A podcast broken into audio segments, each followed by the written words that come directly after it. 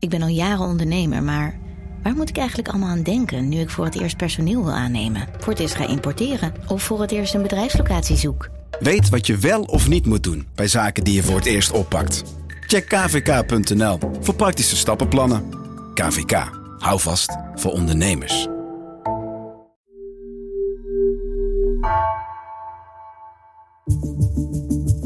Vanaf de redactie van NRC het verhaal van vandaag.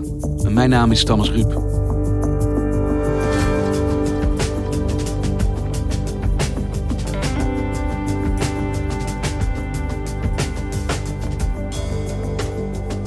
In Nederland worden elk jaar zo'n 500 meldingen gedaan van eergerelateerd geweld. Volgens experts is dit slechts het topje van de ijsberg. Het meeste leed blijft verborgen, vertelt verslaggever Mark Middel. En veel vrouwen kunnen er niet aan ontsnappen. De 43-jarige CDF lukte dat wel. Dit is haar verhaal.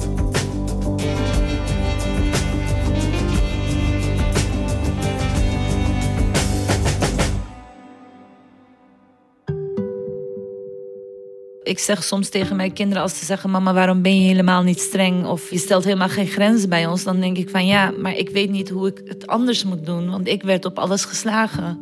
En dat wou ik ook niet bij jullie doen. Dus dan laat ik alles maar toe. Sedef is een 43-jarige vrouw met een hele mooie glimlach en hele sprankelende ogen. Ik ben Sedef en ik woon samen met mijn drie kinderen. Ik ben zelf in Nederland geboren en getogen. Mijn ouders zijn als gastarbeiders uit Turkije gekomen. En eigenlijk was ze tot haar 37ste was een verborgen vrouw. Verborgen vrouw is een vrouw die gewoon een levende dood is. Je ervaart het leven niet. Je leeft voor een ander. De keuzes worden voor jou gemaakt. Je bent geprogrammeerd om te leven. Je voelt uh, de vreugde niet, de emotie, alles. Huilen, pijn, alles. Je voelt je gewoon versteend. Want waar begint haar verhaal? Ik kom uit een uh, gezin waar geweld, huiselijk geweld en eergerelateerd geweld uh, was. Ze wordt vanaf jongs af aan eigenlijk geslagen en vernederd. En er wordt gewoon heel veel geweld gebruikt in haar jeugd. Ik heb niet zoveel uh, leuke momenten thuis uit mijn jeugd. Er was altijd ruzie. Zij vertelt dan bijvoorbeeld dat ze dan bij een playbackshow was op school. Uh, op basisschool. En dan komt ze thuis. En dan is eigenlijk de eer aangetast in de ogen van die familie. En wat er dan gebeurt is dat haar, uh, een van haar broers... die slaat haar met een stok. Maar niet op haar gezicht of op haar rug, maar onder haar voeten, zodat de striemen dan niet zichtbaar zijn. En in die kamer, waar ze geslagen wordt, zit ook haar hele familie. Dus iedereen ziet het en niemand zegt er wat van. En de reden is dat ze niet had mogen optreden daar. Ja, dat is een schande voor de familie om daar zomaar op een podium te gaan staan terwijl je een meisje bent. Dat kan niet. Ja, en overal om haar heen ziet ze ook dat geweld. Dus het gebeurt niet alleen bij haar, maar het gebeurt ook uh, bij haar zussen. Mijn twee andere zussen die waren getrouwd en ze werden ook geslagen door hun mannen. En uh, nou, mijn broer uh, die uh, deed dat ook met zijn vrouw en dat moesten wij ook aankijken. Het gebeurde ook waarschijnlijk bij haar moeder. En iedereen heeft daarmee te maken en om haar heen heeft ook iedereen mee te maken. Dus zij denkt dat het normaal is, omdat zij toch immers anders zijn. Zij zijn immers Turks en moslim. Ze zijn niet zoals Nederlanders. Ja, mijn moeder zei dat ik een Turks meisje en een moslim was. En dat ik anders was. En ik dacht, uh, ja, zou het door de huidskleur komen? Nee, dat kan niet, want er, zijn ook Turken die blond zijn. Of uh, ja, ze lopen niet met schoenen. Ja, wij lopen niet met schoenen binnen. Zou het daardoor zijn? Of uh, iedere keer had ik gewoon geen antwoord op die vraag. Maar ja, toch, ehm, als iedere ochtend dat tegen je wordt gezegd, dan geloof je het wel op, op de een of andere manier. Maar als kind groei je thuis op, ken je de buitenwereld misschien niet, maar je gaat er ook naar school op een gegeven moment, denk ik. Ja, en die school die voelt ook als een hele grote opluchting. Dat ze eindelijk kan ademhalen, als een plek waar ze helemaal vrij is. En daar is ze ook heel erg graag. En daar ontmoet ze ook Nederlandse vriendinnetjes die vertellen over hun dromen. Dat ze willen gaan studeren, dat ze op reis willen gaan, dat ze de wereld willen zien.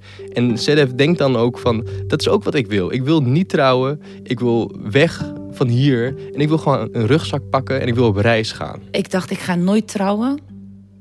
Ik wil helemaal geen kinderen. Ik wil gewoon uh, wereldreis. Want ik hou heel, heel erg veel van andere culturen en uh, hoe mensen leven gewoon. Want ik wist gewoon dat er buiten wel iets anders zou zijn of zo. Waarschijnlijk had ik daar heel erg verlangen naar.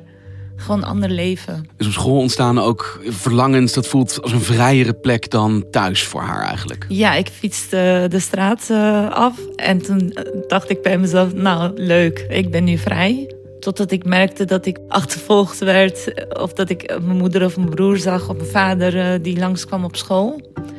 Dus ik moest wel op mijn hoede zijn. Maar uh, ja, op school ervaarde ik wel de vrijheid. Dus zij leefde gewoon in, eigenlijk in een soort van parallele samenleving in Nederland. Terwijl ze volledig Nederlands is. Ze heeft uh, hier op school gezeten, ze heeft VMBO gedaan. Uh, ze kent de Nederlandse maatschappij. Maar in haar, zoals zij het zegt, cultuur, is het heel erg normaal. Ja, en als, als je wordt geslagen en iedereen kijkt toe en er wordt niks gezegd, dan is dat toch normaal. En als ze klaar is met school, na dat VMBO? Nou, mijn broer zei iedere keer dat ik moest gaan trouwen. Want ze vonden het uh, niet leuk dat ik zou gaan studeren.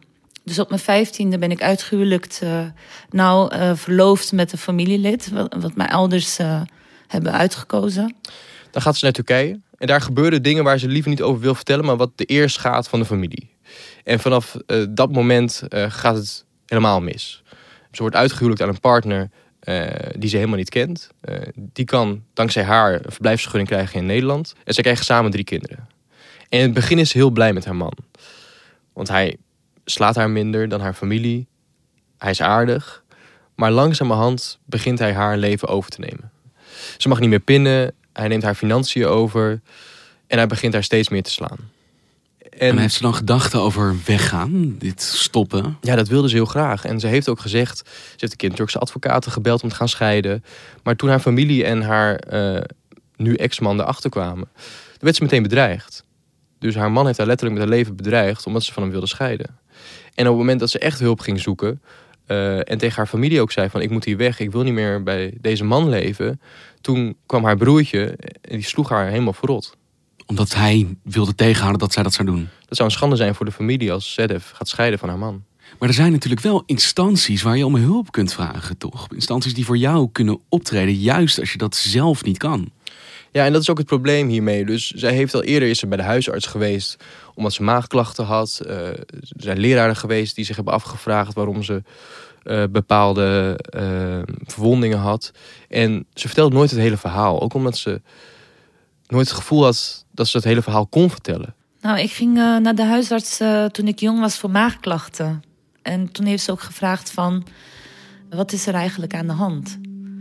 Toen heb ik haar heel voorzichtig verteld, maar niet alles. Want uh, ja, hoe vertel je dat je in elkaar geslagen wordt? En de manier waarop. Dus ik zei dat ik iedere dag werd vernederd thuis. En ze zei, ja, als je hulp wil, kan ik je wel helpen. Maar mijn vader en mijn broer, die lieten ons altijd die krantenkopstukjes zien. Van uh, dit meisje is weggegaan, maar uiteindelijk werd ze teruggegeven bij haar ouders. Ze werd haar hele leven bedreigd met Turkse krantenkoppen waarin jonge meisjes vermoord worden door hun vaders als ze weer naar Turkije gaan omdat ze eh, schande hebben gedaan aan de eer van de familie. En waar ze ook heel erg bang mee voor was, was dat op een gegeven moment drie kinderen. En haar familie die zei altijd van als je echt hulp gaat zoeken bij de instanties, dan raak je je kinderen kwijt. En dat is natuurlijk het laatste wat ze wilde. Maar ik wou eigenlijk niet bij hem blijven. Maar wat, wat kon ik wel en niet zeggen? Ik was gewoon hartstikke bang. Want uh, mijn, broer, mijn broertje zei: als je gaat praten, dan worden je kinderen van je afgepakt. En dat kan helemaal niet. En ik wist ook niet wat voor een hulp ik echt kon krijgen. Maar het geweld neemt toe. En ook het geweld tegen haar kinderen neemt toe. En ze merkt dat het impact heeft ook op haar kinderen. Hoe ziet ze dat? Nou, haar zoontje heeft tot dat hij negen is, heeft hij altijd een jas aan in huis. Verstopt zich altijd. Haar middelste die zat altijd in zijn kamer. En haar oudste, de dochter, die zocht altijd de confrontatie op. Die ging de strijd aan met haar vader, met mijn broertje, met mijn familie. En uh, toen werd ze altijd boos op mij. Maar ik wou geen ruzie. En in het begin begreep ik het niet. En toen uh, liep het uit de hand. En uh, hij sloeg mijn dochter. En één keer uh, pakte hij haar hoofd vast en sloeg tegen de aanrecht. En toen ben ik echt geschrokken. Toen dacht ik, ik bescherm haar niet. En ik had het niet zo gewild. Dus meestal ging ik me ook in mijn kamer verstoppen onder de dekens. Of ik smeekte hem dat hij het mij moest aandoen en niet mijn kinderen. Maar hij zei dat ik te gewend was aan pijn. En dat hij mij op die manier ging pakken. En op een avond escaleerde het weer heel erg. En toen keek mijn dochter me aan met uh, tranen in haar ogen. En toen zei ze: Mama, doe iets. Dat zegt haar dochter tegen haar. Ja. En op dat moment loopt er al een paar maanden een gezinscoach rond.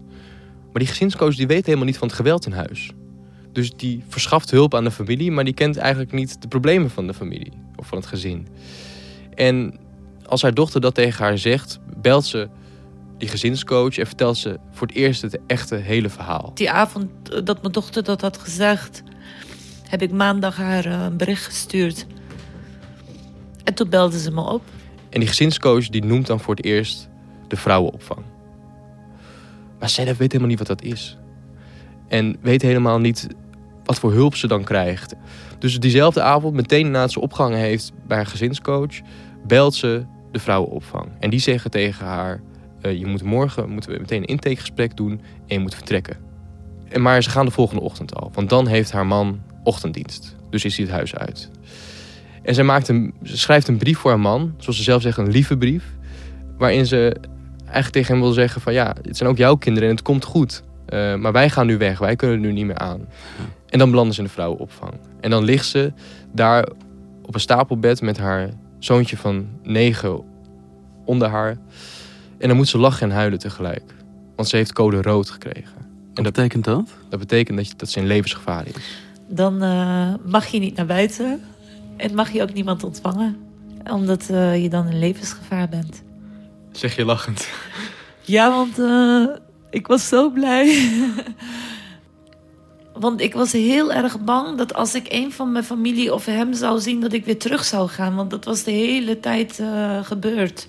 En ik was bang om mezelf. Ik, ik was niet sterk genoeg om nee te zeggen. Dat kon ik niet. Dus ik was heel erg bang dat ik weer terug zou gaan. Uh, dat is heel moeilijk, want als je heel afhankelijk hebt geleefd en zonder zelf beslissingen te nemen, dan ga je weer gewoon terug. Dus ik wou niet terug. Dus die code rood was zo. Uh, gaf me een hele opluchting. Ik weet dat het raar klinkt, maar het is echt niet zo. ja. Hey, en Mark, hoe kom jij bij haar terecht? Iemand die zo open en kwetsbaar zo'n verhaal vertelt aan een journalist. In het begin van de coronatijd schreef ik samen met collega Martin Kuiper een verhaal over huiselijk geweld. En via via kreeg ik toen te horen over het fenomeen eergerelateerd geweld. Maar ik wist niet precies wat dat betekende. Dus toen ben ik allemaal instanties gaan bellen van... nou, zou ik met jullie mee mogen lopen om verborgen vrouwen te ontmoeten? Mag ik met jullie langs de huizen? Mag ik met jullie langs de moskeeën en de buurthuizen? En toen lachten ze me allemaal uit. Waarom uitlachen? Dit zijn verborgen vrouwen. Je kan ze niet zomaar op straat vinden of zomaar in een buurthuis of in een moskee. En ze gaan je ook niet zomaar alle problemen vertellen. Wij kunnen ze al nauwelijks vinden. Omdat het zo'n gesloten samenleving is. Maar via via kwam ik in contact met Sedef. Want zij was bij een seminar geweest dat ging over eergerelateerd geweld. En stapte toen naar voren omdat ze heel graag haar verhaal wilde vertellen. En Sedef was dus, die vertelde ook over die seminar. En die zei van ja, ik was weer heel verbaasd. Het gaat hier over verborgen vrouwen. Maar waar zijn die verborgen vrouwen? We zitten hier met allemaal witte Nederlanders die over een probleem praten. Terwijl ik en misschien anderen het probleem veel beter kunnen vertellen. En Jij noemt dit eergerelateerd geweld. Want is dit een voorbeeld daarvan? De situatie waar Sedef in zat, uitkwam? Ja, wat het belangrijk is, is om onderscheid te maken tussen huiselijk geweld en eergerelateerd geweld. En huiselijk geweld, dat vindt vaak langdurig plaats en dat neemt langzaam toe in frequentie en ook in uh, hoe erg het eigenlijk is. Terwijl eergerelateerd geweld, daar zit een component van eer in. Wat betekent dat als een groep of een familie of een individu vindt dat de eer uh, gebroken is of geschaad is, dan moeten zij daar meteen toe handelen. Dan moeten ze meteen in actie komen. Bij eergerelateerd geweld dan nemen de mensen het recht in eigen handen.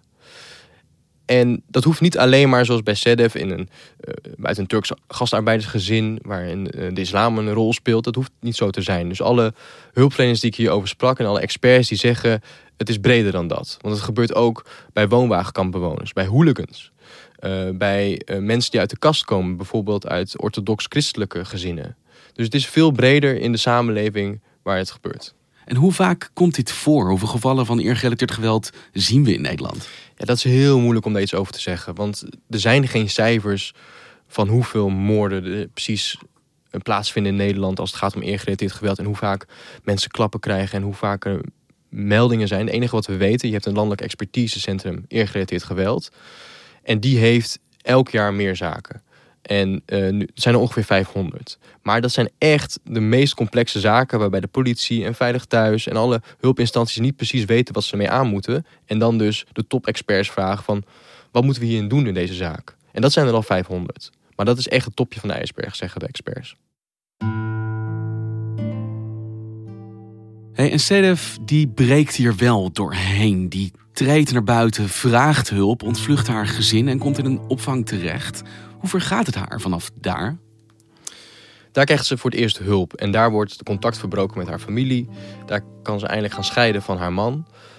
En heeft ze rust om weer tot leven te komen, om weer na te denken wat, eigenlijk, wat ze eigenlijk wil. Iets anders doen dan moeder zijn of vrouw zijn in je huis. Hobby's, ja. Wat, wat, wat zijn hobby's nou? Uh, waar geniet ik nou van? Wat vind ik nou leuk? Wie ben ik eigenlijk? En als je dat niet weet, dan, uh, dan zijn de keuzes echt moeilijk. En dan merkt ze opeens wat ze die 37 jaar heeft meegemaakt en wat voor trauma's ze heeft opgelopen. En ook hoe ze niet functioneert in deze samenleving. Ze weet niet hoe ze moet pinnen. Ze weet niet hoe een OV-chipkaart werkt en hoe je de trein moet pakken.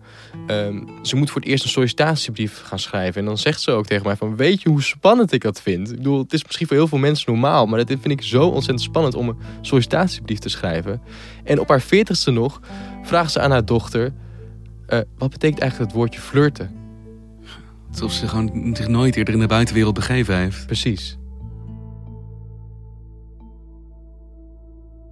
En Mark, zij is op dat moment dus 37. Die leeftijd heeft ze als ze eigenlijk voor het eerst moet leren functioneren in deze samenleving. Had hier niet iemand al veel eerder kunnen optreden om haar te helpen? Ja, je zou zeggen van wel, maar dat is ook het lastige, zeggen de experts. Want je moet ook die kennis hebben. Dus je moet als hulpverlener, als degene die achter een telefoon zit, of de docent of de huisarts, moet je ook weten wat het verschil is tussen huiselijk geweld en eergerelateerd geweld. Dus experts zeggen er moet gewoon meer voorlichting komen. We moeten mensen beter opleiden. Vooral de hulpverleners die als eerste in contact komen met uh, dit soort vrouwen, dit soort slachtoffers. En SEDEF zegt we moeten ook een maatschappijverandering creëren. We moeten ook tegen de daders vertellen: dit is niet normaal. En zij hebben er ook last van. Daders zitten hier ook in gevangen. Precies. Want ook zij zitten dus helemaal vast in dat systeem en moeten daar ook uit kunnen komen. Maar dat lukt ze vaak niet. Wij zijn zo. Ik ben zo. En dan wordt er ook nog eens met trots erover gepraat. Want als je het aan hun vraagt, dan beschermen ze ons. Eh, het systeem klopt gewoon niet. En die moet doorbroken worden. Het systeem moet veranderd worden. Maar wat Sedef zegt is... Ik had voorbeelden nodig in mijn jeugd. Voorbeelden die lieten zien dat ik hieruit kon stappen... zonder dat het hele dramatische gevolgen had. Zoals de dood of uh, dat ik mijn kinderen zou kwijtraken. En die voorbeelden heeft zij nooit gehad. Zij kende die vrouwen niet. En daarom, nadat ze heel lang heeft getwijfeld om dit verhaal te vertellen, wil ze haar verhaal vertellen. Want zij wil nu een voorbeeld zijn. In het begin dacht ik ook toen ik hier was verhuisd, ik dacht mijn leven is afgepakt en ik kan niks meer. En uh, toen ik eenmaal uh, begon te dromen en begon te genieten, ik, ik voelde gewoon dat mijn hart weer leefde. En toen dacht ik van wauw, dit is echt wel leuk. En uh, ik zag hoe mijn kinderen veranderden en ik zelf ook. En wat er allemaal om me heen gebeurde. Dus ik zeg altijd, als ik het heb kunnen doen... en nog steeds probeer te doen... waarom kan een ander dat niet? En het zou zoveel mooier en beter zijn. Nergens is het te laat voor, helemaal nergens. En jij wil dat voorbeeld zijn? Ja.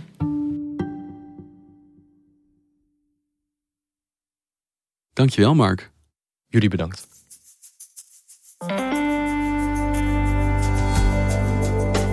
Je luisterde naar vandaag, een podcast van NRC. Eén verhaal, elke dag. Deze aflevering werd gemaakt door Misha Melita, Iris Verhulsdonk en Jan-Paul de Bond. Dit was vandaag. Morgen weer.